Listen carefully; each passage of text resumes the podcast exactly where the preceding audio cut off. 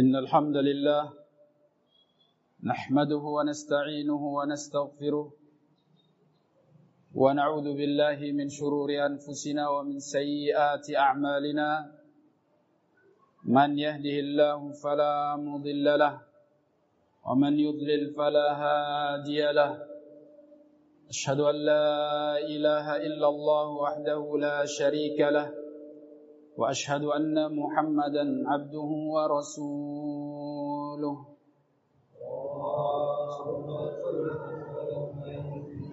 اللهم صل وسلم على نبينا وحبيبنا وشفيعنا محمد. عليه أفضل الصلاة وأتم التسليم. ثم نصلي ونسلم على أصحابه وعلى آله وأصحابه أجمعين. وقال تعالى يا أيها الذين آمنوا اتقوا الله حق تقاته ولا تموتن إلا وأنتم مسلمون. وقال تعالى يا أيها الذين آمنوا اتقوا الله وقولوا قولا سديدا. يصلح لكم أعمالكم ويغفر لكم ذنوبكم ومن يطع الله ورسوله فقد فاز فوزا عظيما أما بعد. فإن أصدق الحديث كتاب الله وخير الهدي هدي محمد صلى الله عليه وسلم. وشر الأمور محدثاتها وكل محدثة بدعة وكل بدعة ضلالة. Wa kulla dhalalatin finnar. Kaum muslimin sidang salat Jumat yang dimuliakan Allah. Marilah kita senantiasa memuji, menyanjung dan bersyukur atas nikmat yang telah Allah karuniakan kepada kita. Mudah-mudahan dengan senantiasa bersyukur Allah Subhanahu wa taala menambahkan kepada kita nikmatnya sebagaimana yang Allah katakan la in syakartum la azidannakum wa la in kafartum inna adzabi lasyadid jika kalian bersyukur maka aku akan tambahkan nikmatku. Dan apabila kalian kufur tidak mensyukuri nikmatku maka sungguh adabku sangat pedih. Mudah-mudahan kita termasuk orang-orang yang senantiasa selalu bersyukur memuji Allah Subhanahu wa taala atas nikmat yang Allah karuniakan pada kita. Yang kedua, marilah kita senantiasa bertakwa kepada Allah Subhanahu wa taala. Karena dengan takwalah kita akan bisa selamat yaumul qiyamah. Bekal yang paling berharga adalah takwa kita kepada Allah. Yang ketiga, tak lupa kita senantiasa bersolawat kepada Nabi kita Muhammad sallallahu alaihi wasallam keluarga beliau dan sahabat-sahabat beliau radhiyallahu anhum ajma'in. Semoga kita dikumpulkan bersama mereka semuanya di surganya. Amin ya rabbal alamin. Kaum muslimin sidang salat Jumat yang dimuliakan Allah Subhanahu wa taala. Setiap kita menginginkan dan mengharapkan agar Allah Subhanahu wa taala memberikan kepada kita rizki yang berlimpah. Agar Allah subhanahu wa ta'ala meluaskan untuk kita karunia-Nya. Oleh karenanya, sebagai seorang muslim, sebagai seorang mukmin, wajib baginya untuk bisa mendapatkan rizki karunia dari Allah subhanahu wa ta'ala yang luas maka kita wajib untuk menjalankan apa yang sudah ditentukan oleh Allah Subhanahu wa taala dan rasulnya di dalam Al-Qur'an dan di dalam hadis-hadis. Menuju rizki Allah Subhanahu wa taala. Untuk mencari rizki Allah Subhanahu wa taala yang harus dicatat oleh seorang mukmin adalah bukan untuk memperbanyak rizki. Tapi carilah rizki itu. Rizki yang berkah. rizki yang diridhoi oleh Allah Subhanahu wa taala itulah yang paling utama. Bukan hanya sekedar mengumpulkan, tapi kita harus bertanya kepada diri kita, dengan cara apa saya bisa mendapatkan rizki? Apakah dengan cara yang halal ataukah dengan cara yang haram? Rasul Shallallahu Alaihi Wasallam mengabarkan kepada kita tentang fenomena akhir zaman, di mana manusia sudah tidak lagi peduli dengan apa yang dia dapatkan. Dia tidak lagi berpikir bagaimana cara mendapatkan rizki. Yang penting dapat. Ini adalah merupakan tanda-tanda kiamat. Dan itu akan muncul di akhir zaman seperti zaman kita sekarang. La ya'rifu min aina. Dia tidak tahu dari mana dia dapat harta itu. Oleh karenanya seorang muslim, seorang mukmin yang memang benar-benar beriman kepada Allah dan hari akhir, dia harus tanamkan di dalam dirinya dari mana dia dapatkan dan untuk apa dia gunakan. Karena itulah yang akan ditanya di hari kiamat setiap manusia akan ditahan oleh Allah Subhanahu wa taala, diberdirikan oleh Allah Subhanahu wa taala. Waqifuhum innahum mas'ulun. Tahan mereka, berdirikan mereka di padang mahsyar itu. Tanya empat perkara.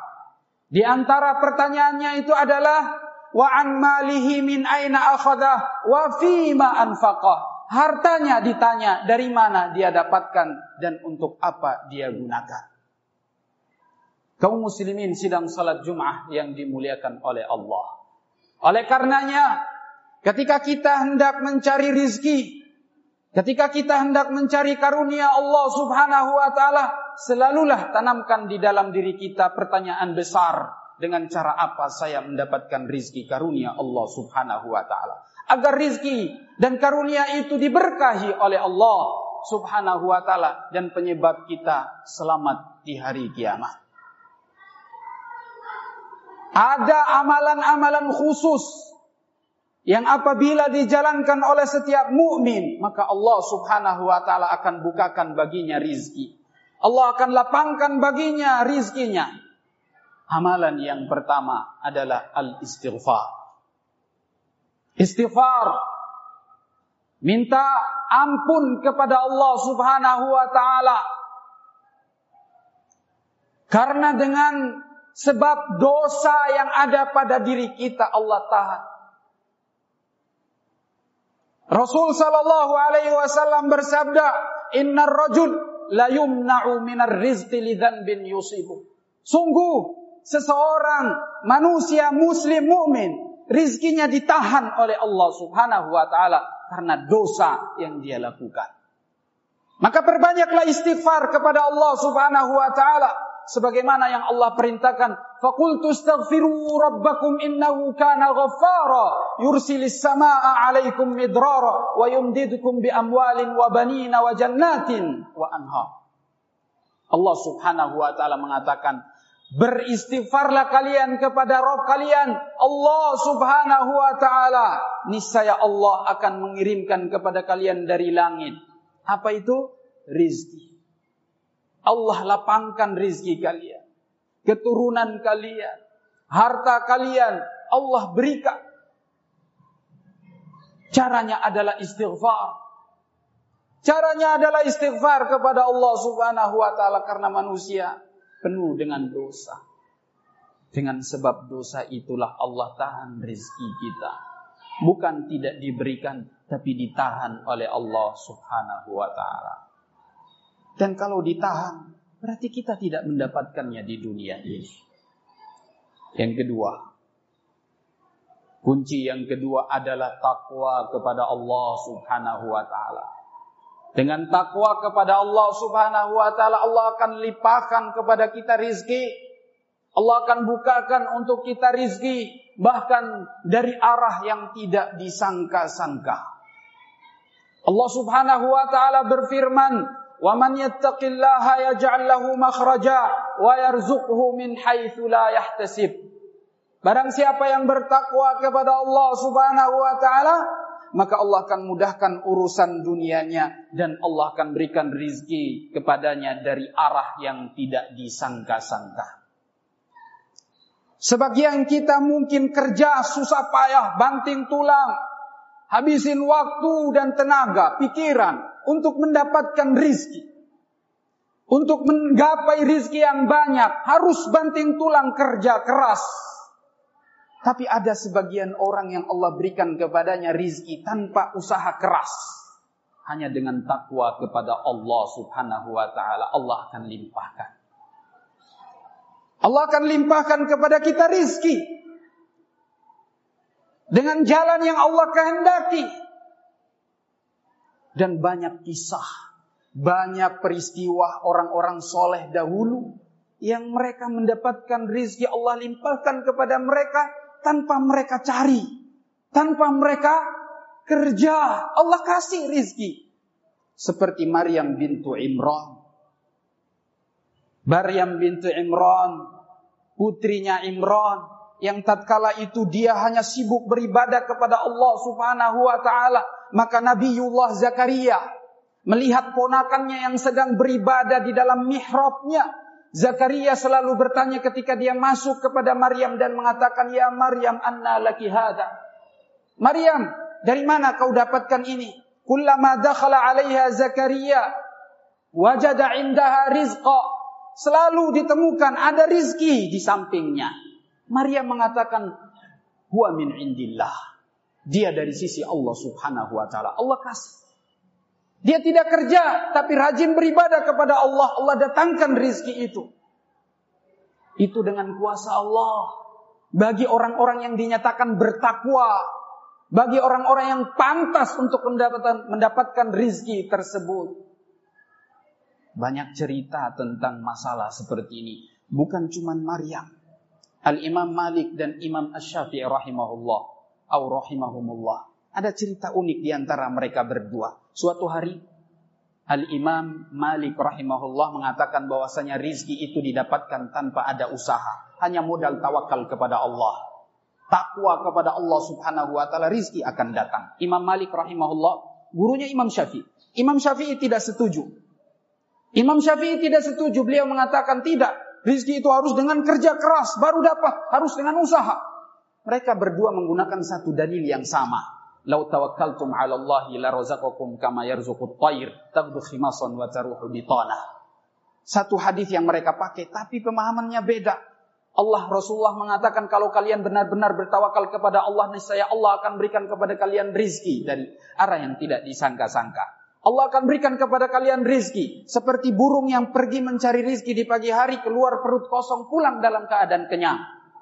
Al-Imam Malik berdalil dengan hadis ini, kata beliau tanpa usaha Allah datangkan rizki. Imam Malik, Imam Syafi'i bilang harus pakai usaha. Maka Imam Syafi'i pun kepikiran. Beliau pergi dari Imam Malik, lalu kepikiran. Di tengah perjalanan ketika di luar sana dia melihat seorang bapak yang sedang membawa memikul sekantong kurma atau sekarung kurma yang masih basah. Lalu Imam Syafi'i melihat kasihan kepada bapak itu dan beliau membantu, menawarkan diri, Pak, saya bantu Pak. Lalu diantarkan bak, bawaan itu sampai ke rumah si bapak tua ini. Sampai di rumah si bapak tua ngasih imbalan kurma. Kasih ke Imam Syafi'i sebagai imbalan. Maka Imam Syafi'i langsung tersenyum. Dia mengatakan, ini jawaban saya. Saya benar bahwa setiap rizki pasti datang dengan usaha. Kalau saya tidak keluar, saya tidak bantu, maka tidak akan ada kurma untuk saya. Dia pergi ke Imam Malik, dia temui. Dia dalam keadaan bangga bahwa dia merasa benar. Sampai di sana Imam Malik tersenyum. Ketika Imam Syafi'i bercerita kasus tentang atau peristiwa ini, Imam Malik pun tersenyum. Santai. Beliau mengatakan, iya, rizki kamu kamu dapatkan dengan bantu bapak itu. Engkau harus keluar, engkau harus kerja. Tapi saya duduk di sini, engkau datangkan rizki. Karena Imam Syafi'i bawa kurma untuk Imam Malik. Maka Imam Malik mengatakan, saya dapat rizki tanpa kerja. Saya sudah dapat sekarang. Ini rizki saya. Itulah. Ketakwaan. Tawakal kepada Allah subhanahu wa ta'ala. Dengan takwa Allah bukakan rizki. Dan juga masih banyak. Ini dari arah yang tidak disangka-sangka. Imam Malik tidak pernah berpikir nanti akan datang Imam Syafi'i membawa kurma. Dan Imam Malik tidak perlu kerja. tapi datang sendiri rizki. Kisah yang unik, yang menarik. Kunci yang kedua adalah takwa kepada Allah Subhanahu wa taala. Takwa itu adalah menjalankan perintah Allah dan Rasulnya dan menjauhi larangan Allah dan Rasul. Sekarang kalau anda masih melanggar larangan Allah dan Rasulnya dan masih meninggalkan kewajiban dari Allah dan Rasulnya berarti anda belum tergolong orang bertakwa. Maka jangan pernah berharap rizki datang tiba-tiba tanpa dikira. Yang ketiga, kunci yang ketiga adalah tawakal yang tadi sudah kita sampaikan. Tawakal dan takwa itu bersamaan. Tawakal dan takwa bersamaan dan semuanya amalan hati yang harus dibuktikan dengan perbuatan. Tawakal kepada Allah Subhanahu wa taala mendatangkan rizki sebagaimana dalam hadis yang tadi kita bacakan, "Lau tawakkaltum 'ala Allah la razaqakumullah kama tayr khimasan wa taruhu bitana." Kalau kalian benar-benar bertawakal, Allah kasih rizki kepada kalian seperti burung yang dia tidak tahu di mana rizkinya. Dia terbang ke mana pun dia pergi. Dia tidak tahu di mana tempat rizkinya. Tapi nanti sore dia sudah dalam keadaan perut kenyang. Dia tidak seperti manusia. Yang manusia hari ini mungkin sudah punya rencana. Burung tidak. Burung asal keluar, terbang ke mana saja. Tapi nanti Allah kasih rizki. Subhanallah, ada kisah menarik yang terjadi kepada Ibrahim ibnu Adham rahimahullah taala. Ibrahim bin Adham seorang pedagang besar. Suatu ketika beliau pergi dengan kafilahnya dengan pegawai-pegawainya untuk dagang. Lalu kemudian di tengah perjalanan beliau melihat seekor burung yang sayapnya sudah patah.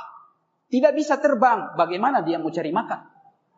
Lalu kemudian Imam Ibrahim bin Adham, seorang ulama tabi'in, beliau melihat burung itu dan dia bilang kepada pegawai-pegawainya, kita berhenti sejenak, saya mau perhatikan burung ini, dari mana dia dapat makanan.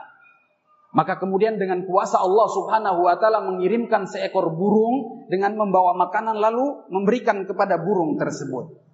Lalu kemudian Imam Ibrahim bin Adham mengatakan kalau begitu saya tidak perlu untuk berdagang. Gak usahlah saya diam aja di rumah karena rizki sudah diatur oleh Allah subhanahu wa ta'ala. Tinggal tawakal dan bertakwa kepada Allah subhanahu wa ta'ala. Maka kemudian ada seorang sahabatnya datang namanya Imam Ash-Shibli. Beliau mengatakan kepada Imam Ibrahim bin Adham, kenapa engkau tidak pergi keluar berdagang? Usaha cari rizki. Gak mungkin daganganmu akan laku kalau engkau di rumah sini. Maka Imam Ibrahim bin Adham mengatakan, beliau bercerita tentang kisah burung yang patah sayapnya. Sudah patah sayapnya tidak bisa berdaya, tapi datang rizki kepadanya. Apalagi manusia yang mereka beribadah kepada Allah, pasti Allah akan kasih kepada mereka. Maka kemudian Imam Isyibli mengatakan, Afala walima antakuna antakuna ta'ir ad-da'if walima ta'lam takhtar antakuna at-ta'ir alladhi yut'imu per, per, per, apa, perkataan ucapan Imam Ashibli ini patut dicatat dengan tinta emas. Beliau mengatakan, kenapa engkau memilih menjadi burung yang lemah yang patah sayapnya? Mengapa engkau tidak pilih engkau menjadi burung yang membawa makanan yang memberikan makanan? Artinya apa? Engkau harus usaha juga supaya bisa memberikan manfaat kepada orang lain. Benar tawakal itu kita serahkan kepada Allah Subhanahu wa taala, tapi juga dengan usaha. Ada orang yang diberikan rizki tanpa usaha, datang sendiri. Ada yang harus berusaha dengan kerja keras. Kunci yang ketiga adalah tawakal kepada Allah Subhanahu wa taala. Setelah bertawakal, setelah berusaha kita tawakal kepada Allah Subhanahu wa taala. Empat. Empat disebutkan oleh para ulama banyak, tapi nanti saya akan ringkas saja. Yang keempat adalah memperbanyak infak, bersedekah. Kita bersedekah, berinfak itu justru mendatangkan rizki untuk kita. Kalau dalam konsep orang-orang umum yang tidak ada kaitannya dengan agama, konsep ekonomi umum, mereka mengatakan menabung pangkal kaya. Tapi kalau dalam konsep Islam, sedekah itu pangkal kaya. Rasul sallallahu alaihi wasallam mengatakan Allah Subhanahu wa taala berfirman, "Anfiq unfiq alaika." Berinfaklah, aku akan infakkan kepada kalian harta.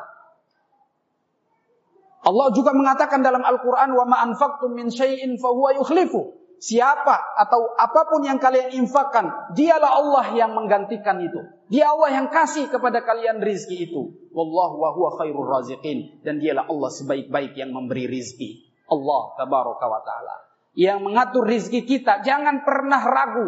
Jangan pernah takut. Kalau rizki kalian, harta kalian yang kalian infakkan itu akan hilang dari kalian. Justru akan menjadi berkah dan bertambah di dunia. Sebelum nanti di akhirat balasannya.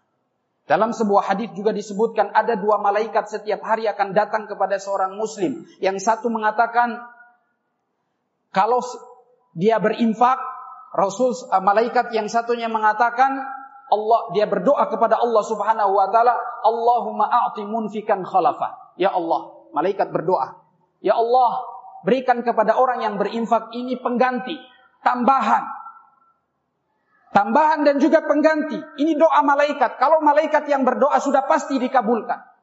Yang satu lagi berdoa untuk orang-orang yang menyimpan menimbun harta-harta mereka. Malaikat berdoa, Allahumma a'ti mumsikan khalafa. Allahumma a'ti mumsikan talafa. Ya Allah, berikan kepada orang yang tidak menginfakkan hartanya itu kerusakan, kehancuran. Maka justru dengan infak itu Allah tambahkan harta kita. Yang kelima, banyak bersyukur kepada Allah Subhanahu wa taala. Dengan syukur Allah katakan la in syakartum la azidannakum wa la in kafartum inna adzabi lasyadid. Siapa yang bersyukur Allah tambah. Allah tambah kepada kita yang selalu bersyukur, tidak kufur nikmat. Allah akan kasih tambahan kepada kita. Yang keenam, yang keenam adalah silaturahim. Silaturahim Rasul sallallahu alaihi wasallam mengatakan, "Man arada aw man yuhibbu an yubsata lahu fi rizqihi wa yunsa lahu fi atharihi falyasil rahimah." Barang siapa yang menyambung silaturahim, ya, atau mohon maaf, barang siapa yang ingin rizkinya dilapangkan oleh Allah Subhanahu wa taala dan umurnya dipanjangkan, maka hendaklah dia menyambung silaturahim kerabatnya, bapaknya, ibunya, kakaknya, adiknya, anaknya, cucunya, saudaranya, itu adalah kerabat. Ayo sambung, jangan pernah Anda putus silaturahim. Karena orang yang memutus silaturahim nanti di akhirat la yadkhulul jannata rahim. Tidak akan masuk surga orang yang memutus silaturahim. Aku qauli hadza wa astaghfirullah li wa lakum huwal ghafurur rahim.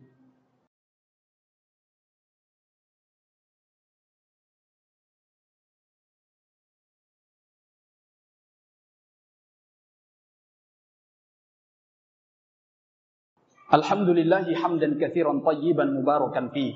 Kama yuhibbu Rabbuna wa yarda salawatu Rabbi wa salamuhu ala abdihil mustafa sallallahu alaihi wa ala alihi wa sahbihi wa sallam. Tentang konsep rizki. Kaum muslimin yang dimuliakan Allah subhanahu wa ta'ala. Rizki itu kuasa Allah. Allah yang mengatur rizki manusia. Nahnu qasamna bainahum ma'isyatahum. Kamilah yang membagi-bagi rizki manusia. Oleh karenanya ketika Allah Subhanahu wa taala adalah penguasa rizki manusia, maka mintalah rizki kepada Allah Subhanahu wa taala. Dalam sebuah hadis qudsi Rasulullah sallallahu alaihi wasallam bersabda, "Ya ibadi, kullukum ja'i illa man at'amtu. Fastat'imuni ut'imkum." Wahai hamba-hambaku, kalian semua lapar, tidak punya makanan, kecuali yang aku berikan padanya makanan, maka mintalah dariku makanan niscaya aku akan kasih makanan itu. Ya ibadi kullukum arin illa man kasautu fastaksuni aksukum. Wahai hamba-hambaku, kalian semua telanjang. Kalian semua telanjang, tidak punya pakaian. Kecuali yang aku kasih padanya pakaian. Maka mintalah dariku pakaian. Aku akan kasih pakaian itu. Para sahabat dahulu, mereka mau minta sendal, doa kepada Allah subhanahu wa ta'ala. Mau minta sendal, minta kepada Allah Subhanahu wa taala sebelum kepada manusia. Benar bahwa usaha kita mencari harta rezeki adalah berhubungan dengan manusia. Tapi sebelum Anda beranjak, sebelum Anda keluar, minta dulu sama Allah Subhanahu wa taala. Niscaya Allah akan mudahkan jalan kita. Karena ketika kita tidak berdoa dan minta kepada Allah Subhanahu wa taala, justru kita pergi ke tempat-tempat yang naudzubillah itu adalah tempat yang menyebabkan kita jatuh kepada perbuatan kesyirikan. Ada orang yang berdoa kepada selain Allah, minta rizki kepada selain Allah, naudzubillah min dalik. Allah adalah tempat untuk meminta rizki. Innal ladzina ta'buduna min dunillahi la yamlikuna lakum rizqa.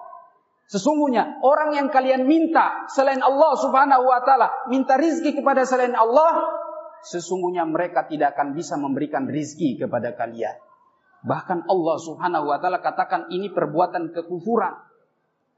Maka Allah katakan wabtagu indallahi rizqa, maka mintalah rizki dari Allah Subhanahu wa taala wa'buduhu washkurulah dan sembahlah Allah dan senantiasa bersyukur kepadanya. Kita setiap hari minta tolong kepada Allah dalam surat Al-Fatihah kita baca. Minta rizki, minta pertolongan, minta kesembuhan, minta keturunan. Segalanya kita minta kepada Allah subhanahu wa ta'ala. Mudah-mudahan khutbah yang singkat ini memberikan tambahan pengetahuan kepada kita.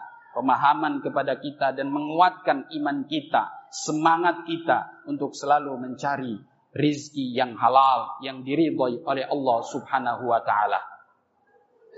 Barakallahu li wa lakum fil Qur'anil azim wa nafa'ani wa iyyakum bima fihi minal ayati wa dzikril hakim wa taqabbala minni wa minkum tilawatahu innahu huwas samiul alim. Inna Allah wa malaikatahu yusalluna 'alan nabi Ya ayyuhalladzina amanu صلوا عليه وسلموا تسليما.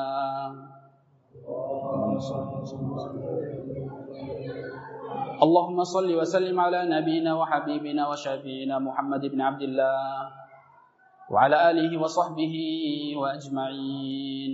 اللهم صل على محمد وعلى آل محمد كما صليت على إبراهيم وعلى آل إبراهيم إنك حميد مجيد. اللهم بارك على محمد وعلى ال محمد كما باركت على إبراهيم وعلى ال إبراهيم انك حميد مجيد اللهم اغفر للمسلمين والمسلمات والمؤمنين والمؤمنات الاحياء منهم والاموات انك سميع قريب مجيب الدعوات يا قاضي الحاجات اللهم أنا نسالك الهدى والتقى والعفاف والغنى اللهم إنا نسألك الهدى والتقى والعفاف والغنى. اللهم يا مقلب القلوب ثبت قلوبنا على دينك. يا مصرف القلوب صرف قلوبنا على طاعتك. اللهم ربنا لا تزغ قلوبنا بعد إذ هديتنا وهب لنا من لدنك رحمة. إنك أنت الوهاب. ربنا آتنا في الدنيا حسنة وفي الآخرة حسنة وقنا عذاب النار. وصلى الله على نبينا محمد وعلى آله وصحبه وسلم. والحمد لله رب العالمين. وأقيموا الصلاة.